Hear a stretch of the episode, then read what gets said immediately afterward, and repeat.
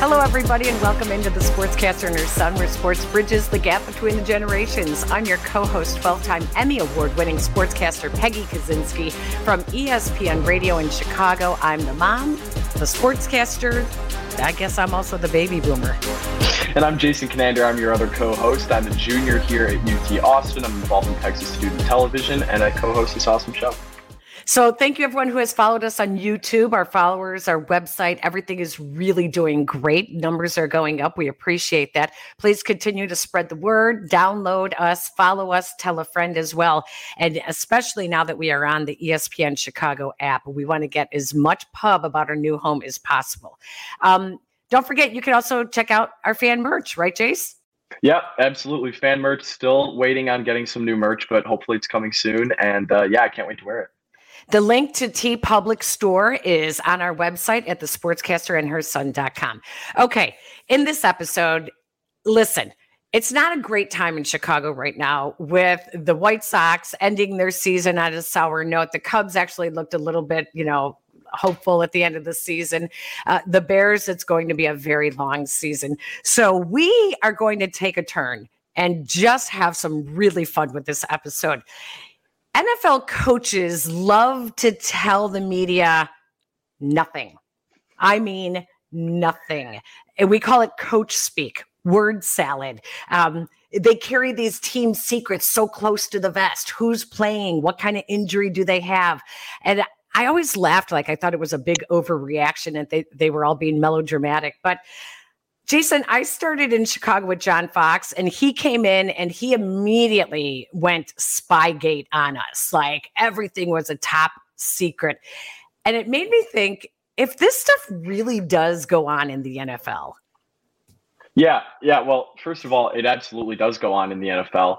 And uh, I think that one of the beauties of sports, one of the things that has interested me the most in sports is how teams, coaches, everybody, the players, how they look to gain a competitive edge. And that's really what I'm the most looking forward to about this episode is the NFL is biggest league in America and also has the most of the not not necessarily cheating, but uh, scandals involving trying to gain a competitive edge. You look at Deflategate, you look at Spygate, both involving the Patriots, but recent examples in the NFL. So it's always interested me a lot, and I think it's something that doesn't get talked about enough because it's something that every team in every pro sport absolutely does. So I don't know if you realize this, but there were a couple of other incidences in the NFL in which um, uh, media, what do they call them? The the team video people um, actually got fired uh, because of filming opposing teams' practices. Like one time in London, you know, that was easy to do because it's fairly open and the coaches don't know the stadiums, they don't know who's in there. Um, another time, I can't remember where it was from. But ironically, Jason, I want one of them I want to say was with the Denver Broncos. Ironically, both guys used to work for the Patriots. I'm not saying, I'm just saying. Yeah, and and I think another thing that's really interesting is like the Patriots are the most recurring example in the NFL, but if you go across the, ski, the scope and you go to baseball, some of the most successful teams of the past decade in baseball have also been the teams that were caught up in the cheating scandals. You look at the Houston Astros, the only team other than the Boston Red Sox that has actually been caught. New York Yankees also got accused of using Apple Watches. So it really is all across sports. And that was one of the most compelling storylines when the whole Astros thing was at the forefront of the news was everyone kind of knew that teams were doing their own things against the rules to gain a competitive edge. But the Astros were really just the first one to get caught and maybe the first one to use it to win a World Series. We don't know. Um, but that's really the most interesting thing about this is in a world where everybody thinks that they know everything that goes on behind the scenes, this is something where truly we don't know anything about. So I remember one time when I was covering a Chicago Bears game on the road, and I can't remember what stadium I was in, but after the game, we would go find some empty suites to record our audio tracks for television because we needed a quiet place. We couldn't do it in the press box. And this one time I walked into an empty suite and it turned out it was the coach's box. And they left playbook and they le- left everything in there. And wow. I took it and started looking at it and thought, I can't read this thing. Like, what, what am I going to do with it? And I left it there. But what I found interesting was that they left all their notes, they left everything. And I bet that happens more than we realize because the coaches are in such a hurry and they're frustrated. They either win or they lose, end of the game, last minute, and they jump out of the box as, as fast as they can to get uh, into the elevator and to get down to, to uh, the locker rooms. So it makes me wonder oh, here's another story I have for you um, I once knew a garbage man who worked in a suburb of Chicago and routinely collected garbage for the late Michael McCaskey. Michael McCaskey, this was right after firing Mike Ditka. And Michael McCaskey was in charge of the team. He was the president of the team at the time. And um, this garbage man found all the old Ditka playbooks and everything in the garbage right after they fired Mike Ditka.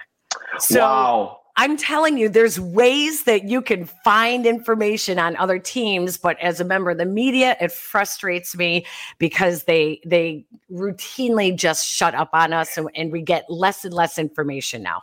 And this is a really interesting topic for me because somebody who's studying journalism right now, we're taught about the ethics and how you have to be ethical as a journalist, and trying to gain that inside edge on other teams is one thing if you're in the league and if you're trying to win a game on Sunday. But yeah, it cuts both ways as a member of, of the media you're always trying to get that extra piece of information that nobody else has. And like you said, you snuck it, you you found yourself in the coach's box and they left all those notes. One thing that I think of is two weeks ago when the Buffalo Bills lost to Miami and Ken Dorsey, their offensive coordinator, just lost his mind in the press box and threw all his notes. I wonder what ended up with those notes. Like, I wonder uh-huh. where those went. Exactly. So it's it's so, funny to think about. This is what I'm thinking, Jason. Um, it's Halloween what better time than to have a little thriller of an episode this time of year, right? So I was thinking we should call in someone who knows a little bit about espionage on the sidelines in the NFL, author Kevin Bryant. I'm excited. This is going to be fun one. Let's bring in our guest, Kevin Bryant, author of Spies on the Sidelines. Kevin, thank you for joining us. I want to give people a little bit of background about you. You are an Army veteran, over 20 years of experience uh, gathering information for the Department of Defense, 13 years as a special agent conducting national security investigations, and you also instructed federal agents in training. Uh, any of those federal agents become NFL coaches? Not to my knowledge. so you have a book and it's called Spies on the Sidelines. I love this so much. As I just got done telling Jason, in my 25 years of covering football, I've had a couple of instances. One time I went into a, a late at night after a game, we were doing our audio recordings and I w- had to find a quiet place. And I went in, the stadium was pretty empty. And I went into a booth and it turned out to be one of the coaches' boots And they left all their paperwork, their playbook, they left everything there.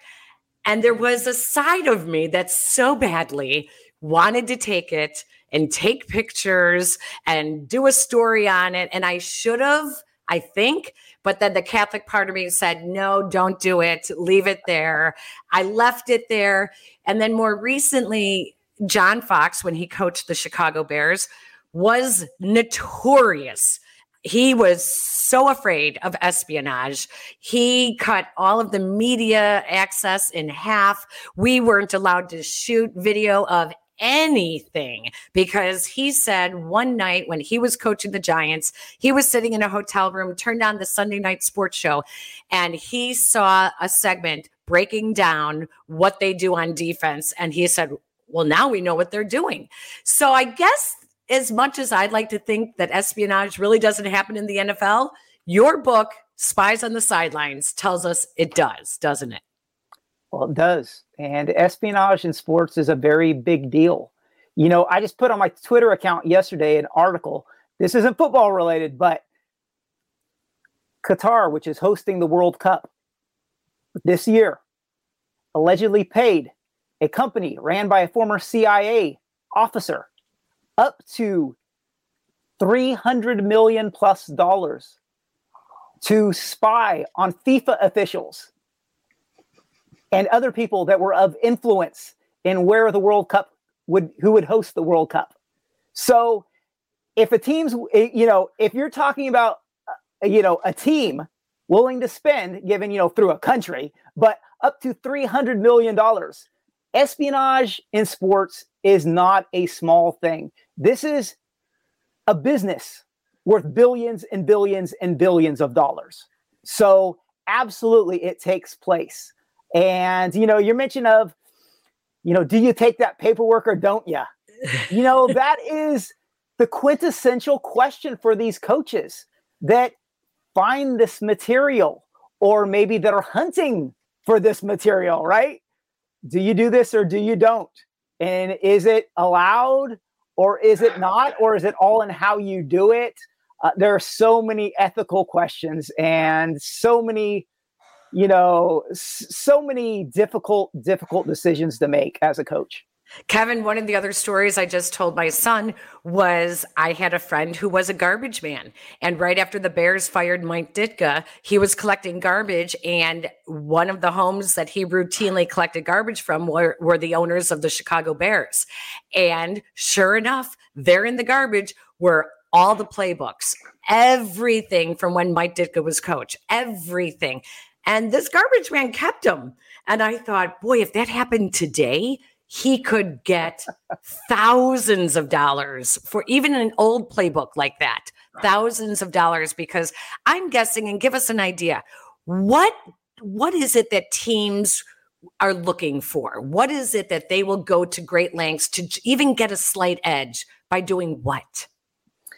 Yeah, so all that information that's in the garbage, um, you know, hunting through the trash, that is that is uh, that's a profession a secondary duty for some coaches um, in college and pro football, both. Absolutely, something goes on. You know, searching through other teams' locker rooms, uh, searching through trash bins of other teams' facilities, going through hotel rooms um, of other teams. Um, sometimes Seriously? after they've left. Sometimes, um, you know, hiring hotel employees to help you out with this stuff. These are all concerns that NFL teams, you know, have to look at. And this type of spying activity, it goes on. So it's a very big deal. So those playbooks, what are you looking for? Well, okay, you know, the plays you can pretty much see on film. But what's really of value is when you can find out what is the name of the play or what is hmm. the signal of the play that's associated with it. Because then, if you can overhear that or see the hand signal that corresponds to that play, you can match those two up. And once you have those matched up, if you are a coach and you see that from the sideline or overhear a verbal audible called out at the line of scrimmage, you know what's going to happen because at that point, you're familiar with the play. And that is what coaches want to be able to do. And there's a multitude of means you can use to do that. You know, you can get the other team's playbook, you can match up stuff that you see on film, you can debrief players that formerly belonged to that team, or bring them in just a week or two before you play once they've been released, or signing players off the practice squad. All of that goes on behind the scenes in the NFL. Eh, You know, with with all these teams doing this now, is there sort of like are, are these teams also putting in preventative measures? Are they like looking? Are they watching out where they throw out their playbooks? Like being real clean about the locker rooms, especially the visiting locker rooms. Like, what are teams doing to prevent this? Because if they're doing it, then they have to be conscious of it. Yeah, you're absolutely right, Jason. So one of the big things in the, my book is not just how do teams collect information; it's how do you defend against the collection that takes takes place. So you know, for example, with the with with playbooks and with paperwork, uh, teams are generally very security conscious. Um, even going into a away facility, typically a member of the security staff for a team is going to go through and search the locker room when they're done. If they hand out play sheets um, before a game, just to be able to review what's what's the strategy for the game, what are we going to do, a member of that security staff will collect all of that up. Mm. Oftentimes, the information that is disseminated is is bound together so that there aren't loose sheets of paper. It's one big packet that can be counted. And once they're done with the paperwork, it either is brought back by a security official or it's shredded they'll bring an actual shredder to the location and shred all that paperwork before they leave. So, so I, yeah, I want to I want to start hearing about some of these stories because this is so interesting. It's something that, as we talked about in our opening segment, it's something that I don't think is talked about enough because one of my favorite parts about sports is these teams, coaches, players all looking to to gain a competitive edge. So give us an example of let's start with the playbooks because that's what we've been talking about. What's a what's a good story, something in your book that that contains stealing information from a playbook or information that one team didn't want to end up in the hands of another team? Oh gosh, with a playbook. So what I'll say with the playbooks is, you know, every single um, every coach is, it, it, you know, since the history of the league has been around, coaches have been searching for these playbooks, and some some coaches have pretty much got the playbooks of every other team in the league at one point or or another. Um, you know, there's there's been there's one player I got an example of my book. You know, a guy who left the team, okay, kept his playbook with him, and attempted to sell it to a competitor, and that team actually took the high road, and they actually went to the FBI and, and turned, you know, turned this guy in. Um, and um, so now, Kevin, that's like a fifty thousand dollar fine if you do not turn in your your playbook yeah. or your tablet. When the team lets you go, you are subject to a fine, even if you're not with the team anymore. So you're, that you're right. explains why that's in there. And so some teams go to great, you know, they go to great lengths to protect it. Obviously, those fines. Another things that players do to try to instill that sense of you have to protect this. These are our secrets. Okay. So they will actually make a game of trying to steal other players' playbooks to drive home this point. Okay. and one player is known to have, uh, I can't remember exactly who it was, uh, it was rather recent. Um, they would actually take information and plays from the previous year's playbook and insert it into the other player's playbook that they had stolen just to confuse the living daylights out of that player and oh to drive gosh. home the point that you can't lose this thing, you know? So, and some, you know, players are known to literally sleep with their playbooks. That's how nervous they are about losing these things. Yeah. So, Kevin, tell me about what about we see this happen all the time now that they have uh, the the audio in the helmets where they're the the play is coming in through the helmet and when they have a problem and you we, we, always see the quarterback is holding his hands trying to listen and trying to and then they have to go to hand signals because there's a problem. Is there any chance that there's something fishy going on with that radio frequency? There's a very big chance that something fishy's going on with that radio frequency. Yeah and so you know this is the it's a big question right? And some experts will tell you it's just not possible okay? Because those headsets are protected with military level encryption Okay. And there's no way that another team can tinker with them or at least listening in on them. Listening in is the big thing, right? Can you block the signal? Blocking it is easier. Okay. Actually, inc- decrypting the signal to be able to listen in is a whole nother story. However, okay, what do you ultimately need to get, right? You've got this military encryption, which is great. Okay. Think of it like a big safe. Okay. You've got this great safe that no one can break into. But what do you have? To, what do you need to get into a safe? A code. Yeah. And if you know the code, all the extra bells and whistles don't you don't do you a darn bit of good, right? And so the question becomes, can you steal another team's code to be able to know how to gain access to uh, their headset frequencies? And so one thing that the Patriots, okay, are accused of doing, and this is a team the Patriots have been suspected. There's always headset problems at, you know, Gillette Stadium and in Foxborough, right? But the question is, well, how can you do this? Okay. Well, one of the things that anonymous former Patriots staff members have said is that the Patriots would go into opponents' locker rooms, okay, and steal their play sheets, their upcoming plays at the start of the game, okay? And that way they would know what's going to transpire for probably roughly the first quarter of a game offensively for an opponent. Have a pretty good idea. But if you can steal that type of paperwork, what else can you steal? Right? Can you steal all the headset information?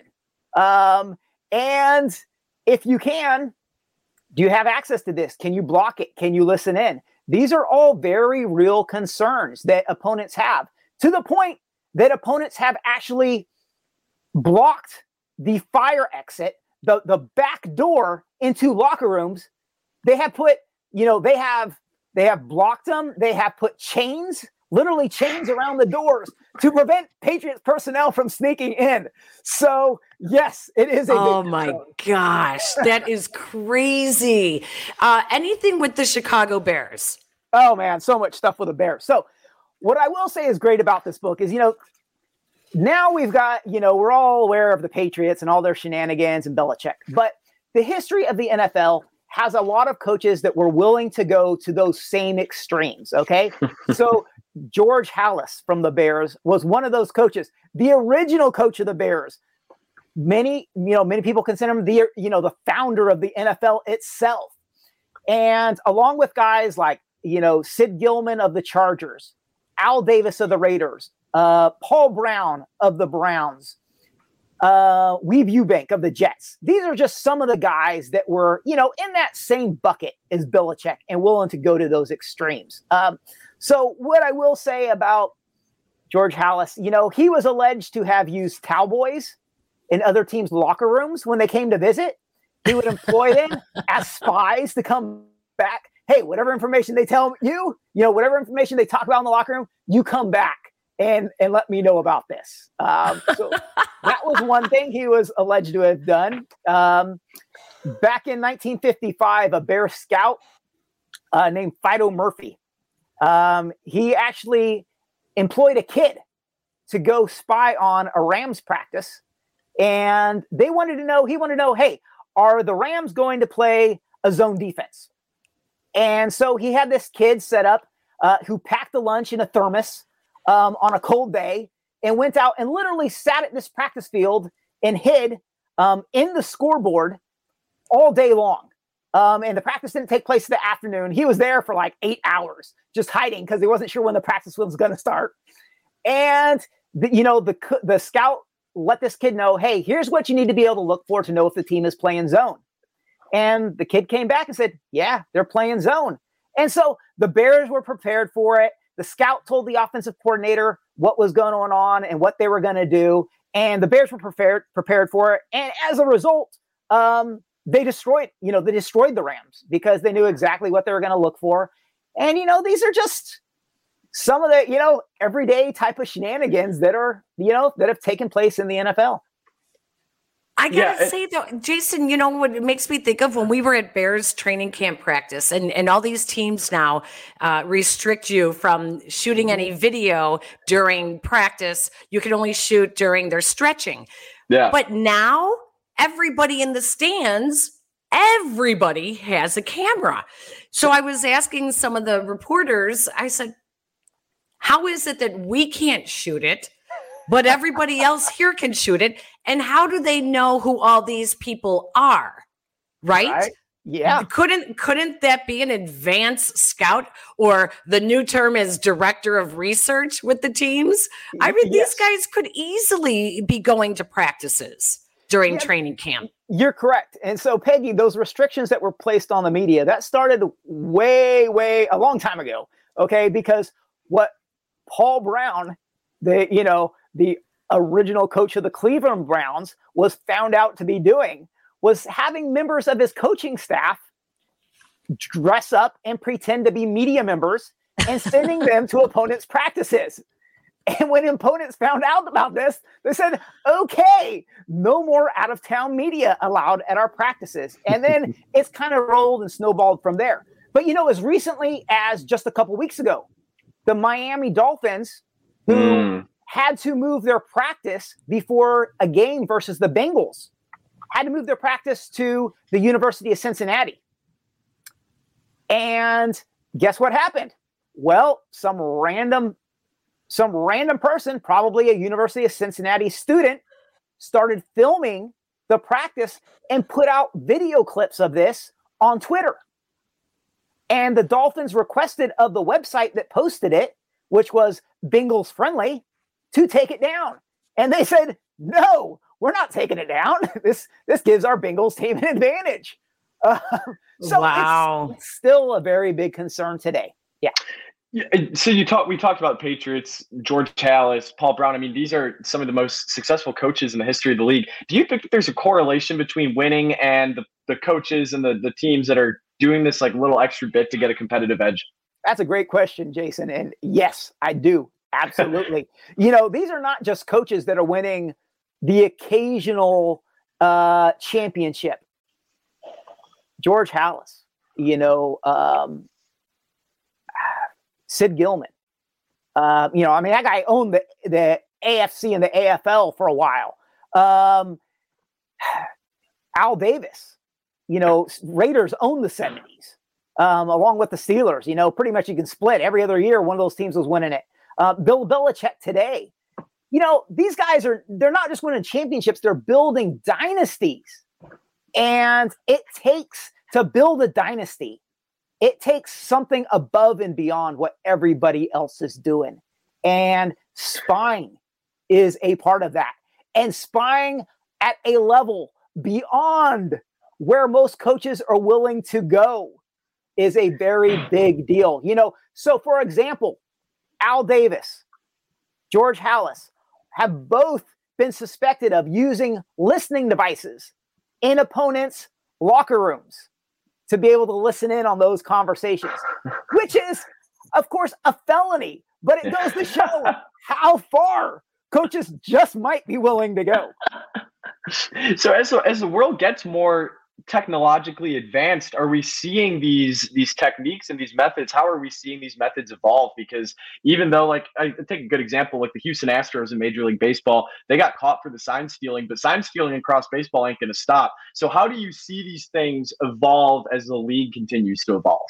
Yeah i'll give you a great example. So i was talking to a, a drone or unmanned aerial vehicle expert about the subject of potentially you know, could teams use a drone to spy on opponents? And his answer was absolutely 100%. And I would be shocked if it hasn't already happened because it would be so simple to do. If you just, you know, basically he's saying a kid who's in middle school could figure, would already knows there are kids that already know how to basically set up a relay system to that if a team even tried to track down where this drone, drone was coming from, that it would go to a you know to a secondary location that wouldn't even be where the operator was using it from. Um, and furthermore if you have any idea of how the sun works and clouds and you were willing to paint the underside of your drone to blend in with the clouds right that you just wouldn't be able to see it. There's no chance whatsoever. And furthermore you could park it to be able to save your battery life and record a practice as it's going on and he said, furthermore, with even over the shelf software that's out there these days, you could potentially, if a team had their tablets, which they keep their um, their uh, playbooks on these days, right?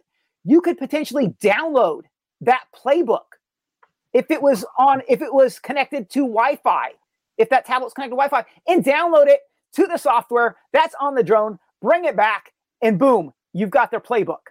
So that's just an example of how wild it can get and just what a threat technology today poses to teams.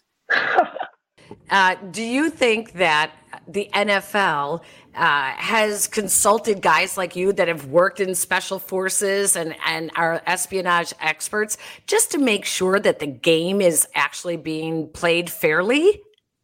Yeah, so the NFL has a, a group uh, called NFL Security.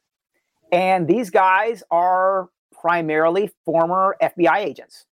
Um, and yeah, so they have that background on how do you collect and protect information.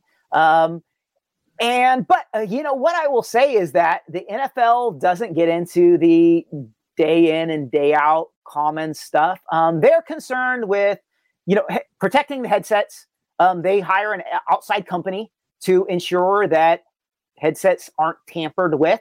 Um, so, you know, there's some degree of safety there, at least. And, um, you know, they'll look into some other big events.